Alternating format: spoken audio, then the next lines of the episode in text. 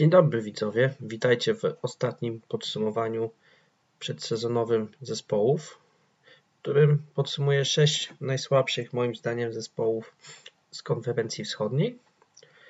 I swoje rozważania zacznę od zespołu Charlotte Hornets, którzy w pewien sposób są ciekawym zespołem i bardzo intrygują ale mają też swoje problemy. No ale myślę, że pierwsze co to trzeba przedstawić ich rotację, która póki co wygląda, że będzie wyglądała następująco.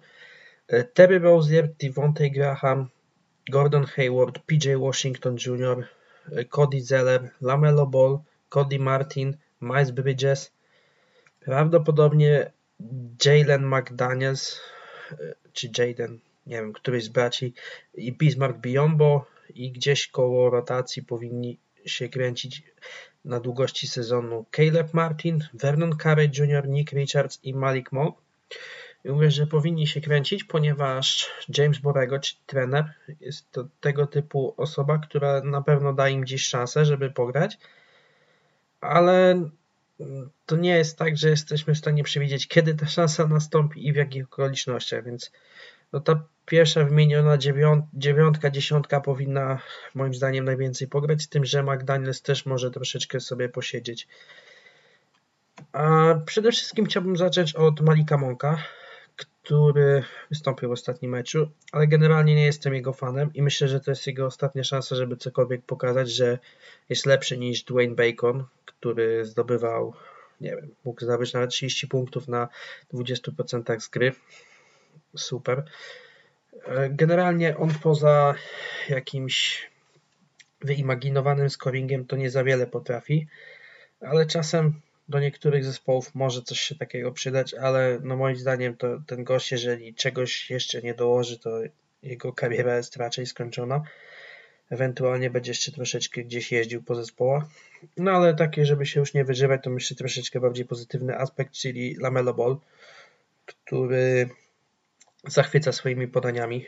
Są naprawdę świetne, są nieszablonowe, zaawansowane i są decyzje w ogóle podejmowane w bardzo szybkim czasie. Oczywiście jeszcze się uczy, no i też musi się przygotować na to, że nikt nie będzie respektował jego rzutu, co jest dosyć sporym problemem. Ale no jednak myślę, że ten sezon i tak trzeba spisać po prostu na naukę i niech się chłopak uczy. Ale no z, razem z jego zasięgiem i możliwościami. Czytaj, może grać na pozycji numer 3 również. E, daje to naprawdę wiele możliwości, bo on e, też świetnie zbiera i ma bardzo do, dobrą e, wiem, frame, nie wiem jakby to było po polsku, ale same ta budowa ciała jego jest naprawdę dobra i żeby takie coś móc egzekwować. A przez to, że bardzo dobrze zbiera, no to jeszcze można dużo łatwiej napędzać kontry z jego udziałem. No i też drugie, co mu się dobrze trafiło, jest to Paul Washington Jr., czyli ich startujący silny skrzydłowy, który przez to, że ma kombinację rzut dystansowy, gdzie zaczął też próbować rzuty z kozła. Na razie to są jakieś powiedzmy zalążki, ale idzie to w dobrą stronę i który też naprawdę dużo widzi jeżeli chodzi o podania. Póki co to są podania raczej takie podstawowe, nie mające zbyt wielu zalążków e, zaawansowanych, ale sam fakt, że jest w stanie takie rzeczy robić e, jest bardzo cieszący. Jedynie co mam z nim problem, no to jednak, że on się czasami gubi w obronie, zwłaszcza jeżeli dostanie jakiegoś niższego gracza, gdzie te przekazania są straszne w tym zespole. No ale no to wywodzi się wszystko z tego, że oni nie mają grywalnych centrów na poziomie NBA, na poziomie startera. Bo to jest Cody Zeller, który no jest y, troszeczkę bez zasięgu i w ogóle te jego parametry fizyczne są słabe. Jest Biombo, który w ataku jest, sprawia, że gra się 3 na 5, ale za to może coś dołożyć w obronie. No i jest ten właśnie Washington, który no znowuż jest bardzo um, undersized. No i w sezonie, tym preseason, bardzo mnie cieszyło, jak widziałem y, Washingtona sparowanego z McDanielsem, który ma bardzo duży zasięg i też bardzo dobrze odnajduje się w obronie i całkiem rozumie, o co chodzi w grze na boisku, grze zespołowej zaznaczam. Więc no tutaj jestem na pewno fanem jego talentu i bardzo cieszy, jak taki gracz z końca drugiej rundy pokazuje naprawdę, że się rozwija i że można mu zaufać chociaż trochę. Tutaj jeszcze postać Gordona Haywarda, nad którą należy się zatrzymać trochę. Przede wszystkim ten kontrakt, o ile już cena brutto sama tego kontraktu, czyli 30 milionów rocznie dla Gordona plus 9 milionów rocznie za stretch kontraktu Batuma jest czymś fatalnym, no to jeszcze druga sprawa, jaka za tym będzie się ciągnąć, że teraz naprawdę wielu przeciętnych graczy przyjdzie i powie, no halo, my chcemy też takie pieniądze, tutaj Gordon, tutaj może nawet Middleton, może Tobias Harris, no to co, gdzie ja jestem? jestem gorszy od nich? No i niestety, no ta klasa średnia w NBA zanika i będzie zanikać prawdopodobnie jeszcze szybciej, zwłaszcza jeżeli będzie za rok mnóstwo pieniędzy do wydania, a tak naprawdę jedynym poważnym wolnym agentem jest Kawhi Leonard. Więc e, naprawdę mam tutaj brzydkie obawy z tym związane, że troszeczkę może być jakaś stagnacja myślę, że rozwiązanie umowy i podpisanie nowej e, Collective Bargain Agreement tutaj powinno się tym tematem troszeczkę zająć. No ale za to Gordon Hayward na pewno będzie kojarzony tutaj z Charlotte, tak jak to z rolą, którą miał w Utah. Czyli przede wszystkim to będzie lider i centralna postać ataku, z której on się powinien z tej roli wywiązać naprawdę dobrze, bo on e, jednak ten rzut przynajmniej na dwóch poziomach ma i do tego nie przestał się chyba bać wjeżdżać pod kosz. No i też jego bardzo dużą zaletą, co już od zawsze podkreślam, jest ofensywna uniwersalność.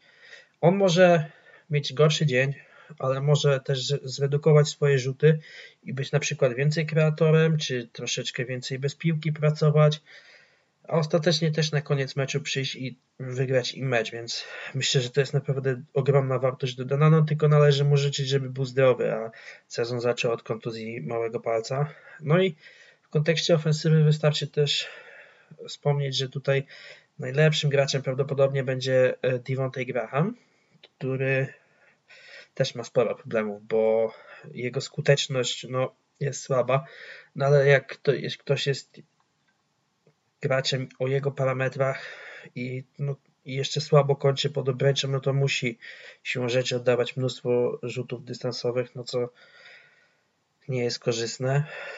No i też jego obrona e, jest, no powiedzmy, bardzo wątpliwa ale z drugiej strony w kontekście tych wielu rzutów i ciężkiej roli, myślę, że w tym roku, jeżeli ona zostanie troszeczkę zdegradowana, to i dla niego samego będzie lepiej i chciałbym, aby nie podpisywał jakiegoś horrendalnego, maksymalnego kontraktu, który ktoś głupi może mu zaoferować. To się dla niego źle skończy, ale z drugiej strony no, tylko głupi by odrzucał takie pieniądze, więc różnie bywa. No i tutaj dwie postacie, które w poprzednim sezonie były tak troszeczkę y, patrzane przeze mnie z byka.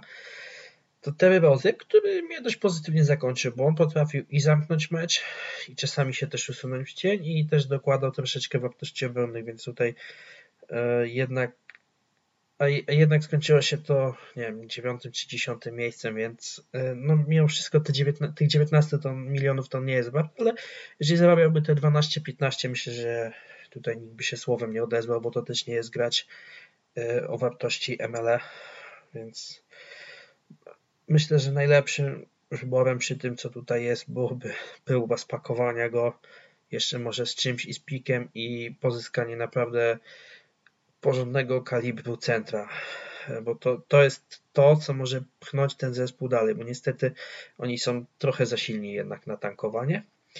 No i tym drugim graczem, który bardzo mnie rozczarował jest Miles Bridges, który sezon poprzedni zaczął od bicia rekordów ujemnym plus minus. Naprawdę jak on był na boisku, to się źle działo. Nie wiem, czy to wynikało, że on troszeczkę mniej grał z Devonta i PJ-em, możliwe, czy też może dlatego, że e, przygotował się, tak jeśli chodzi o masę i w ogóle wygląd, do tego, że będzie grał więcej pod koszem, a okazało się, że PJ zaczął tak sezon, że no niestety był graczem lepszym dla niego. I troszeczkę musiało się to wszystko e, pozmieniać. No w tym roku widać, że już jest go troszeczkę mniej, jest troszeczkę szybszy, no ale ciągle te decyzje są o wątpliwym czasie podejmowane i jednak myślę, że gra z ławki mu tutaj powinna pomóc. No i też co mnie tutaj pod kątem Charlotte ekscytowało, to te niskie ustawienia, które oni mogą zrobić, bo tak naprawdę oni mogą wejść sobie jakimś ustawieniem, takim przykładowym.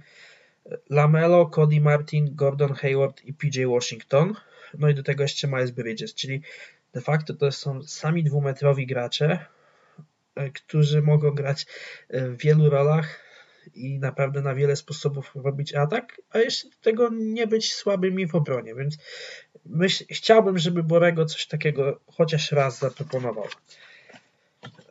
Drugim zespołem, który tutaj przyjdzie mi omawiać, no to jest Orlando Magic, którzy no można spojrzeć na ich rotację i od razu się cisną na usta pewne inne słowa.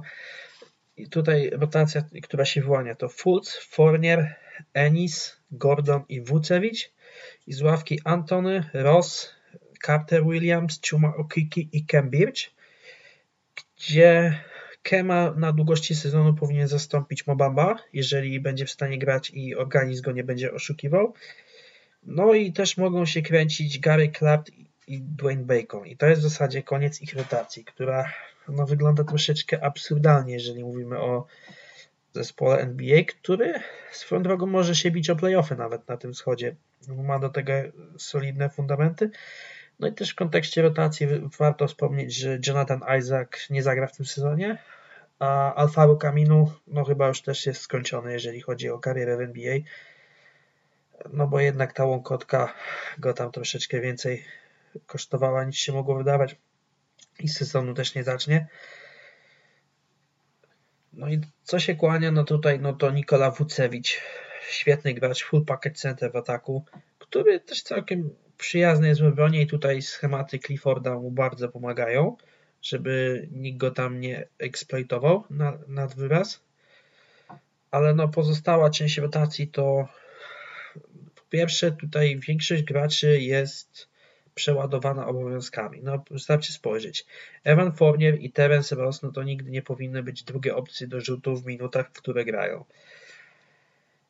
Też jest tutaj Aaron Gordon, który swoją drogą mnie bardzo ucieszyło, bo ten rzut wygląda troszeczkę lepiej. Chyba się pogodził z tym, że nie będzie już wartościowym ofensywnym grajkiem, a i przez to, że troszeczkę inaczej będą wyglądały potrzeby, no prawdopodobnie będzie bardziej w roli Jonathana Isaaca niż tego, co robił przez ostatnie dwa lata. No i co mnie bardzo niepokoi, że James Haynes będzie grał. No on jest strasznym graczem i to chyba jeden z najmniej utalentowanych graczy w NBA, który z pozoru daje jako taką obronę. Ale naprawdę jego oglądanie to jest coś, co jeżeli się na to patrzy, to chciałoby się oczy sobie wydłubać.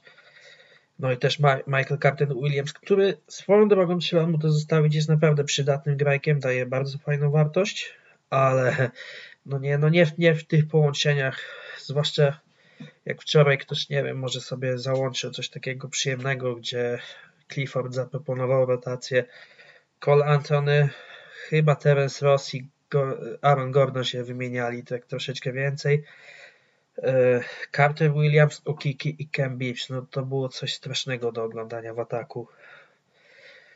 No tutaj należy też wspomnieć, że ich pozycja point jest dość ciekawie obsadzona, bo to jest Fultz, który na dystansie do 15 feet jest świetny. Tylko no tak naprawdę to, co tworzy wartość wielkiego point guarda dzisiaj, to jest wszystko, co się dzieje poza tym. A niestety nikt nie respektuje jego rzutu i pewnie to podobnie długo nie będzie lub w ogóle nie będzie tego robił. A i też jego decyzje, pomimo że są coraz szybsze i coraz bardziej dokładne, to jeszcze i tak troszeczkę pozostawiają do życzenia, no ale też trzeba wziąć pod uwagę, że tak naprawdę to jest taki jego drugi poważny sezon, gdzie on gra o coś. No i Cole Antony, który jak żeśmy mówili ze Staśkiem wcześniej, we wcześniejszym podcaście, że miał bardzo trudną rolę w dobrej uczelni, więc tutaj wchodzi też coś podobnego, więc on się czuje dość naturalnie. I też pierwsze co e, się rzuca na myśl, jak się go oglądało, że jest zdecydowanie przeładowany obowiązkami i gdzie dużo fajniej na przykład wygląda sparowany właśnie z Fulcem. Fajnie te line-upy chodziły. Jeszcze myślę, że jakby Wucewicz i Gordon grali i Fournier, to myślę, że to razem by było w stanie wypalić, ale to nie o to chodzi, żeby był jeden mocny line-up i resztę taka troszeczkę kicha i coś tu jest jednak e, źle. No i tutaj jeszcze no, ten Bamba, który mnie też tak troszeczkę e, powiedzmy irytuje, ale z drugiej strony też trzeba sobie od razu rzucić, że to od początku było wiadomo, że to nie będzie grać, który w ciągu pierwszego kontraktu będzie prezentował poziom naprawdę dobrego startera. On dzisiaj no to rzuca, walczy na deskach i broni obręcz, nic więcej. No i teraz pytanie, gdzie on się może rozwinąć i co może rozwinąć. Tutaj już jest e, dużo znaków zapytania. No i też jeszcze te komplikacje zdrowotne na pewno nie pomagają. No i tutaj dla tego zespołu myślę, że realnym celem jest walka o 9-10 miejsce w tej konferencji. Może przy jakiejś doli szczęścia, przy dobrym streaku, czy w ogóle takim pozytywnym wyniku, to nawet i może jakieś 8-7 miejsce się gdzieś tam załapać, jeżeli dobrze pójdzie. A równie dobrze mogą też przy jednej kontuzji Wucewicza zlecieć do tankatonu. No i tutaj z tym wszystkim, co mi się ciśnie na oko, czy John Hammond jest odpowiednią osobą, która powinna tym zarządzać, bo już raz jego pomysł, powiedzmy, dał fajne fundamenty, ale nic więcej. Nie umiał go pchnąć dalej, a tutaj kolejny projekt praw, prawnicość, tak naprawdę. I to jeszcze w taką brzydką e, nicość, która pachnie śmierdzącym marazmem. Moim zdaniem, jeżeli źle wystartują, powinni wytransferować spadający kontrakt Forniera za cokolwiek, co może się nazywać asetem. No i też chyba mimo wszystko by trzeba było trzeba zacząć od szukania chętnych na Gordona czy Wucewicza i spróbować taki nawet soft reset wcisnąć. No ale to przede wszystkim, żeby transferować Wucewicza, to trzeba mieć godnego zastępcę, a tutaj nie wiem na ile Bamba jest w stanie cokolwiek dać. Trzecim zespołem, który tutaj teraz chciałbym mówić, no to Cleveland Cavaliers, których dziwo mi się bardzo dobrze oglądało, muszę przyznać, bo Zobaczyłem sobie chyba i dwa albo trzy mecze. No i przede wszystkim to Garland. Garland to kolejny przykład gracza, który troszeczkę mało grał i on się uczy w warunkach NBA, co niekoniecznie jest korzystne, ale też widać pewne poprawy. Jeszcze tutaj decision making i passing są zdecydowanie do bardzo mocnego poprawienia się. No i też obrona, jednak nie ukrywajmy, że tutaj on nigdy też jakimś dobrym obrońcą nie będzie, ale z drugiej strony jego pakiet umiejętności pozwala sądzić, że nie będzie trudnego wepchnięcie do jakiegoś zespołu, który naprawdę może być bardzo mocny. No ale jego sparowanie z Sextonem, no nie mam pomysłu na to, jak to ocenić i mnie to boli, gdzie Sexton też jest naprawdę produktywnym grajkiem tym wszystkim. Więc y, troszeczkę mnie to tak boli, jak na to patrzę, ale jeszcze, żeby tak być y, całkowicie dokładnym, no to jeszcze przedstawię ich rotację, czyli prawdopodobnie, jeżeli wszyscy są zdrowi, to będzie Garland, Sexton, Okoro, Love, Tramont, Exum, Porter Jr., Nance Jr., Windler, McGee i De, Demian Dodson. I gdzieś tam w przypadku kontuzji myślę, że Dean Wade może złapać minuty, który się całkiem fajnie pokazał w sparingach. I to jest, ale to oni troszeczkę później. No i gdzieś może wiecznie żywy Deli Church, czyli Matthew Delavedowa. No i teraz tutaj w kontekście tego zespołu. Jaki jest ich sufit w tym sezonie? Na pewno nie jest, chociaż na pewno nie, to, to jest złe słowo. Raczej nie są to playoffy i to już kładzie pierwszy znak zapytania, gdzie znowu tutaj jest jednak dużo graczy obwodowych. No i tylko Mobley jest tak naprawdę w samej czołówce, który mógłby ich interesować, ale tak naprawdę ustawianie się pod jednego gracza w drafcie to nie jest dobry pomysł. A generalny fit tak też kładzie pewne e, cienie. No Kevin Porter Jr., no też warto wspomnieć, że jego przygody z prawem, no to jest jakieś troszeczkę dziwne wszystko, ale no oczyścili go z zarzutów i mam nadzieję, że się to w sezonie uspokoi, bo jego narzędzia i jego możliwości są tak fantastyczne, że on może być równie dobrze lepszy od Garlanda i Sextona jednocześnie. Jednak co mnie tutaj najbardziej e, przykuło, no to Isaac Okoro. To jest naprawdę słowo stat do niego pasuje. Bardzo szybkie decyzje, one, i one są podejmowane w dobrym czasie. Bardzo dobra i agresywna obrona, chociaż on jeszcze musi się troszeczkę nauczyć takiego czucia gry, gdzie, bo czasami jest zbyt agresywny i łapie faule, no ale to jednak dotyczyło wielu defensywnych graczy w młodości, więc myślę, że to nie jest nic nadzwyczajnego i y, tak naprawdę musi się po prostu tego nauczyć, bo nikt, nikt za niego tego nie zrobi. A i w ataku ten rzut wygląda całkiem lepiej niż się można było spodziewać. No i też to, no, jak mówiłem, agresja i jak, jaki on ma ciąg na kosz, to piękne to jest. Z graczy niedocenianych w tym pakiecie, no to myślę Larry Nance Jr., który jest najbardziej Draymondowatym zawodnikiem w lidze, e, ponieważ dokłada właśnie podobny pakiet umiejętności jak Draymond, ale z drugiej strony, czy on tak koniecznie pasuje do tego zespołu, to już jest zupełnie inna sprawa. To jest bardzo produktywny gracz, ale myślę, że raczej do mocnego zespołu niż do słabego.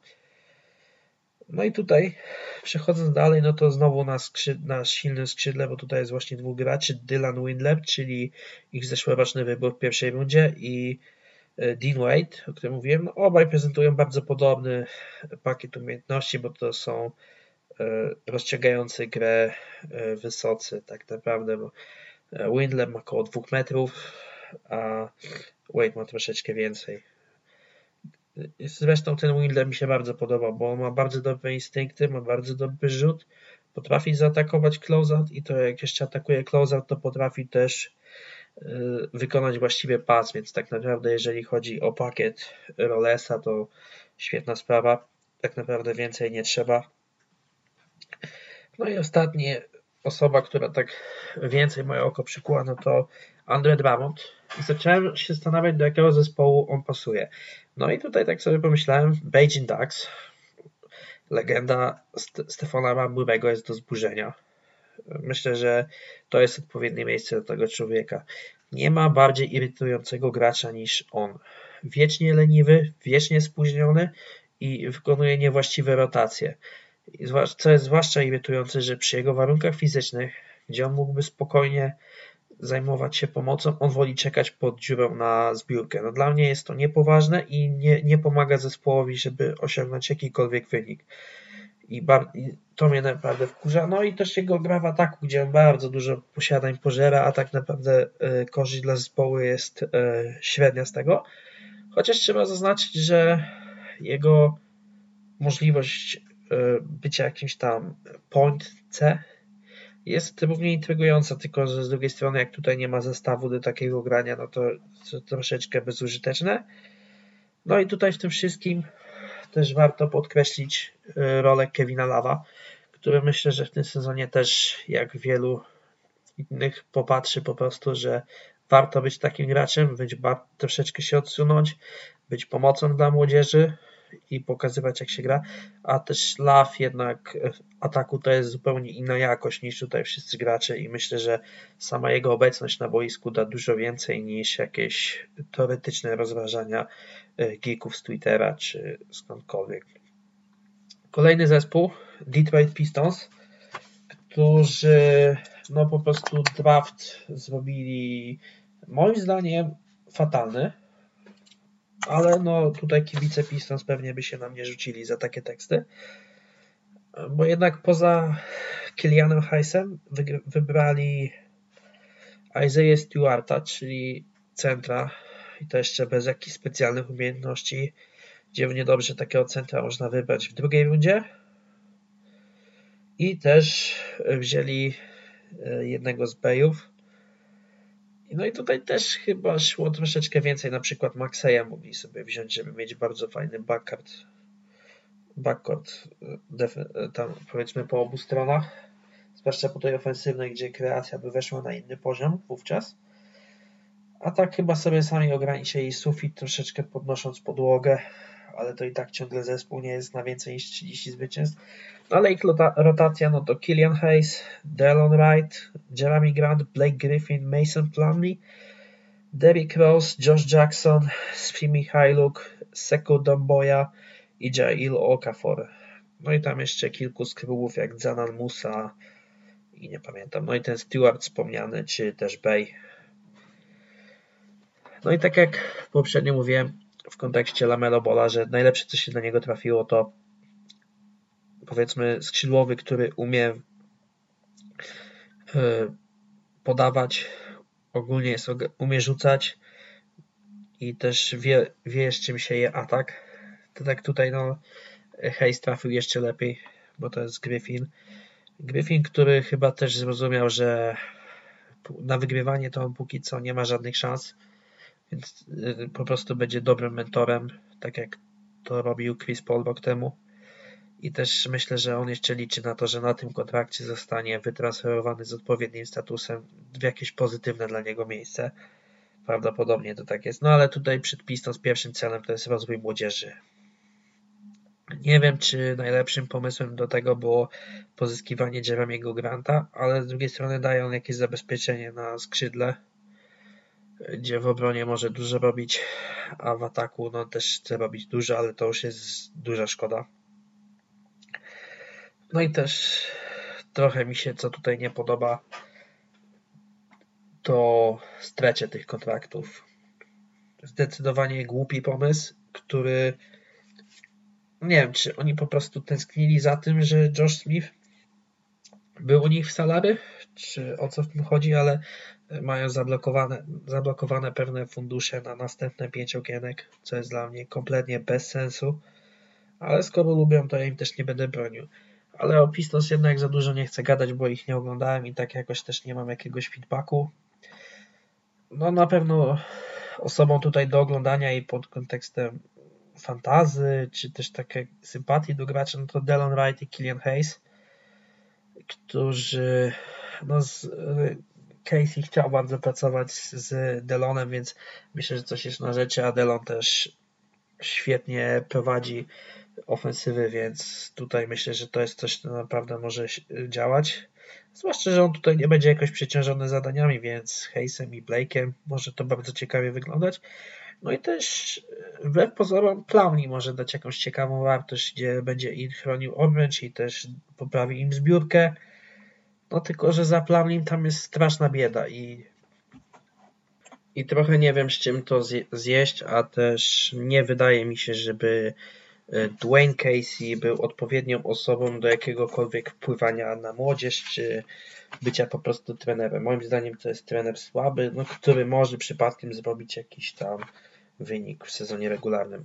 Przy ostatnim zespołem są Chicago Bulls, którzy no widziałem dwa mecze z Oklahoma.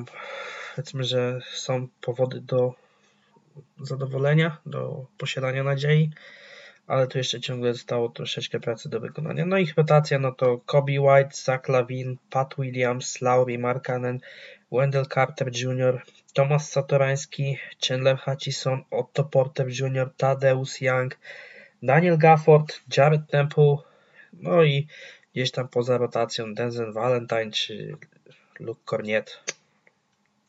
E, przede wszystkim ich wybór w drafcie. Pat Williams prawdopodobnie poszedł tak wysoko, bo jak mówiliśmy, że all-rounder to nigdy nie wiemy w jaką stronę on się rozwinie.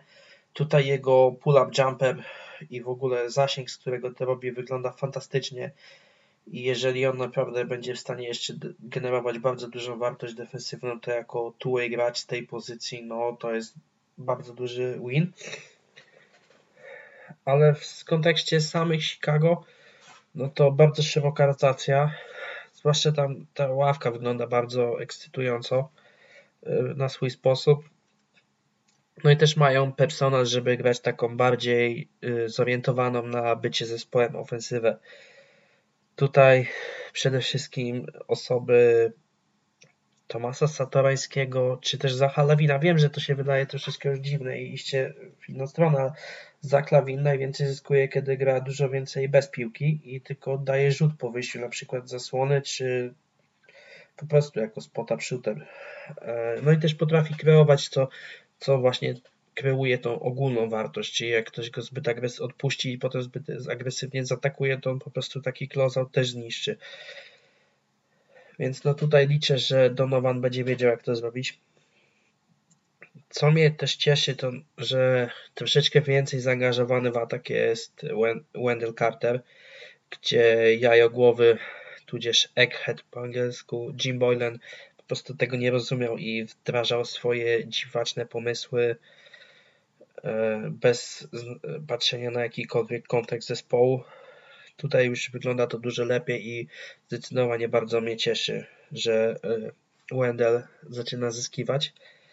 No i też ciekawi mnie Otto Porter, czy znowu wygra magia kontraktier, czy jednak wygrają z nim już urazy, bo jednak to biodro jest dosyć e, wykończona, a i ta zeszłoroczna, powiedzmy, przygoda z medykami BUS i kostką na pewno nie, działa, nie działała pozytywnie. A i też off-season pokazał, że no, może komuś odbić od dostatku pieniędzy, a i też niekoniecznie potrafi taka osoba zrozumieć, co to znaczy pandemia. Nie wiem, ja kibicuję, żeby się ogarnął i, i to nie tylko na polu sportowym, ale też i poza. Bo tylko to mogę robić. No na pewno nie podoba mi się Laurie McCannell, bo to wygląda, zaczyna wyglądać bardziej jak Dragon Bender niż Kristaps Porzingis i oby się rozwinął, ale szczerze nie wiem, nigdy nie byłem fanem, ale też nie chcę być żadnym e, złowróżącym. No i tutaj też warto podkreślić po raz kolejny, że oni akurat mają też bardzo fajnych weteranów, bo to jest Satorański, to jest Tadeusz Janki, to jest Jared Temple, którego wiele osób chwali zawsze, jeżeli chodzi o taką prezencję w szatni i sposób bycia, taki profesjonalny, no ale póki co jest odizolowany z powodu, chyba nie wiem, czy dostał pozytywny test, czy jest taka możliwość, czy kontakt miał, ale siedzi na izolacji póki co. Więc myślę, że tutaj jest jeszcze też dużo do roboty, ale do podłożenia fundamentów Billy Donovan się jak najbardziej nadaje przede wszystkim. No i też ostatni zespół już w tych podsumowaniach, czyli Kentucky Knicks, którzy startują prawdopodobnie, nie wiem, tutaj rotację wyznaczyć to jest jakiś absurd, więc powiem po prostu, co ja bym chciał widzieć, ewentualnie zderzę z tym coś, czego się najwyżej będziemy spodziewać. No tutaj chciałbym widzieć, żeby to była piątka Quickly, RJ, Bullock, Randall i Robinson, ewentualnie w rotacji Nilikina, Burks, Knox, Topin i Noel, ale prawdopodobnie startować na jedynce będzie Peyton i on zabierze minuty Frankowi. Pewnie w rotacji będą jeszcze Austin Rivers, Dennis Smith Jr. No, myślę, że Spellman czy Bryce Dekis nie podbiorą minut wysokim, no ale biorąc pod uwagę, że ich trenerem jest Tom Thibodeau, to można się spodziewać wszystkiego, zwłaszcza, że Thibodeau nie lubi wysokich, którzy nie bronią, a tutaj dostał aż dwóch. Do tego dostał Robinsona, który no ostatnio co prawda nie sfaulował 27 minut, ale no jakby się nic nie nauczył, nie rozwinął się w tej kwestii, bo on skacze naprawdę do wielu pompek, do wielu bezsensownych rzutów, no i utrzymanie go w grze nie jest takie proste, a i też w ataku on nie ma jakiegoś specjalnego czucia. To ciągle na drugą rundę jest fajny zawodnik, jeżeli chodzi o wybór, ale liczba tych red flagów, które nie chcą się zredukować jest troszeczkę niezbyt zachęcająca. No i też na pewno wygranym tego off-season jest Emmanuel Quickly, który jest takim chyba troszeczkę szametem plus, a dla tego zespołu naprawdę bardzo fajną wartością w razie W. No tutaj też się nie oszukujmy, no Knicks za cel obrali sobie Kade'a Cunninghama albo Jalena Saxa, którzy powinni bardzo fajnie wzmocnić ten zespół. No ale też, a i też na pewno wypadałoby pochwalić management, który zrobił świetną robotę, bo po pierwsze nie władował się w żadną durną umowę, a też wziął graczy, którzy za bardzo nie będą szkodzić rozwojowi tych młodych, a może też pomogą, jak na przykład Berks, którego można będzie potem jeszcze na przykład sprzedać za second i wziąć jakiś też spadający kontrakt na siebie. Myślę, że tutaj coś takiego może się podziać. No i też jeszcze taka na koniec paczka bardzo luźnych myśli. Przede wszystkim Malachi Flynn. To jest świetny zawodnik już na dzień dobry. Myślę, że Toronto będą mieli wielką pociechę z niego. To jest bardzo mądry gracz, taki troszeczkę skillsetem przypominający Laurego. I też troszeczkę mnie niepokoi, że Toronto oprócz Laurego właśnie ma Flina, który posiada taki duży pakiet takich miękkich umiejętności rozgrywającego. I jeżeli żaden z nich nie będzie grać, no to ta ofensywa może mieć czasami problemy w takim regularnym funkcjonowaniu. Druga myśl. Jamorant i jego playmaking i generalnie podejmowanie decyzji i szybkość tego, nie mówimy o szybkości biegu, tylko szybkości pracy jego mózgu i dokładność podań są naprawdę na niesamowicie wysokim poziomie. To jest naprawdę coś fantastycznego, jeżeli o tym mówimy. Coś, co słychać chyba trochę po głosie, że mnie jara, ale to jest naprawdę coś, czego nie da się nauczyć od tak i co stawia go na naprawdę wysokiej półce. Ja bym nawet powiedział, że on jest lepszym graczem od Diarana Foxa obecnie. Chociaż podejrzewam, że fani Kings już tutaj by, jeżeli są takowi, to pozdrawiam, żeby mnie zjedli za coś takiego. No ale to jest moje zdanie. Drugi take, druga myśl związana z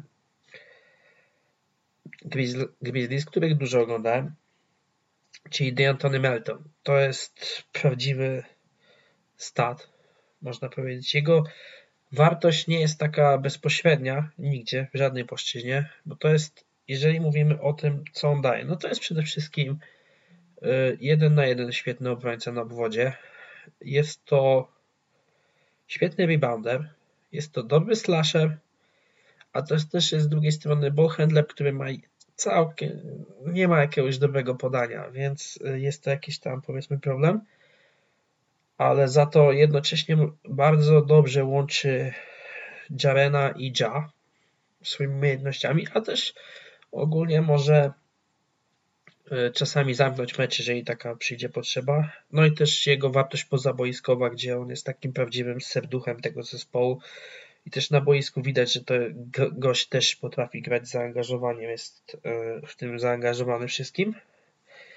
Czwarta myśl, czyli wykorzystanie Stevena Adamsa, który mi się troszeczkę rzuciło w oczy, czyli Zion jako ballhandler, gdzie Adams jest stawiającym screenem, e, czyli tak naprawdę w takiej sytuacji, jeżeli gra zostanie dobrze rozciągnięta, no to jedzie pociąg po prostu pod kosz, bo to albo roluje Adams, albo z piłką ciągnie Zion.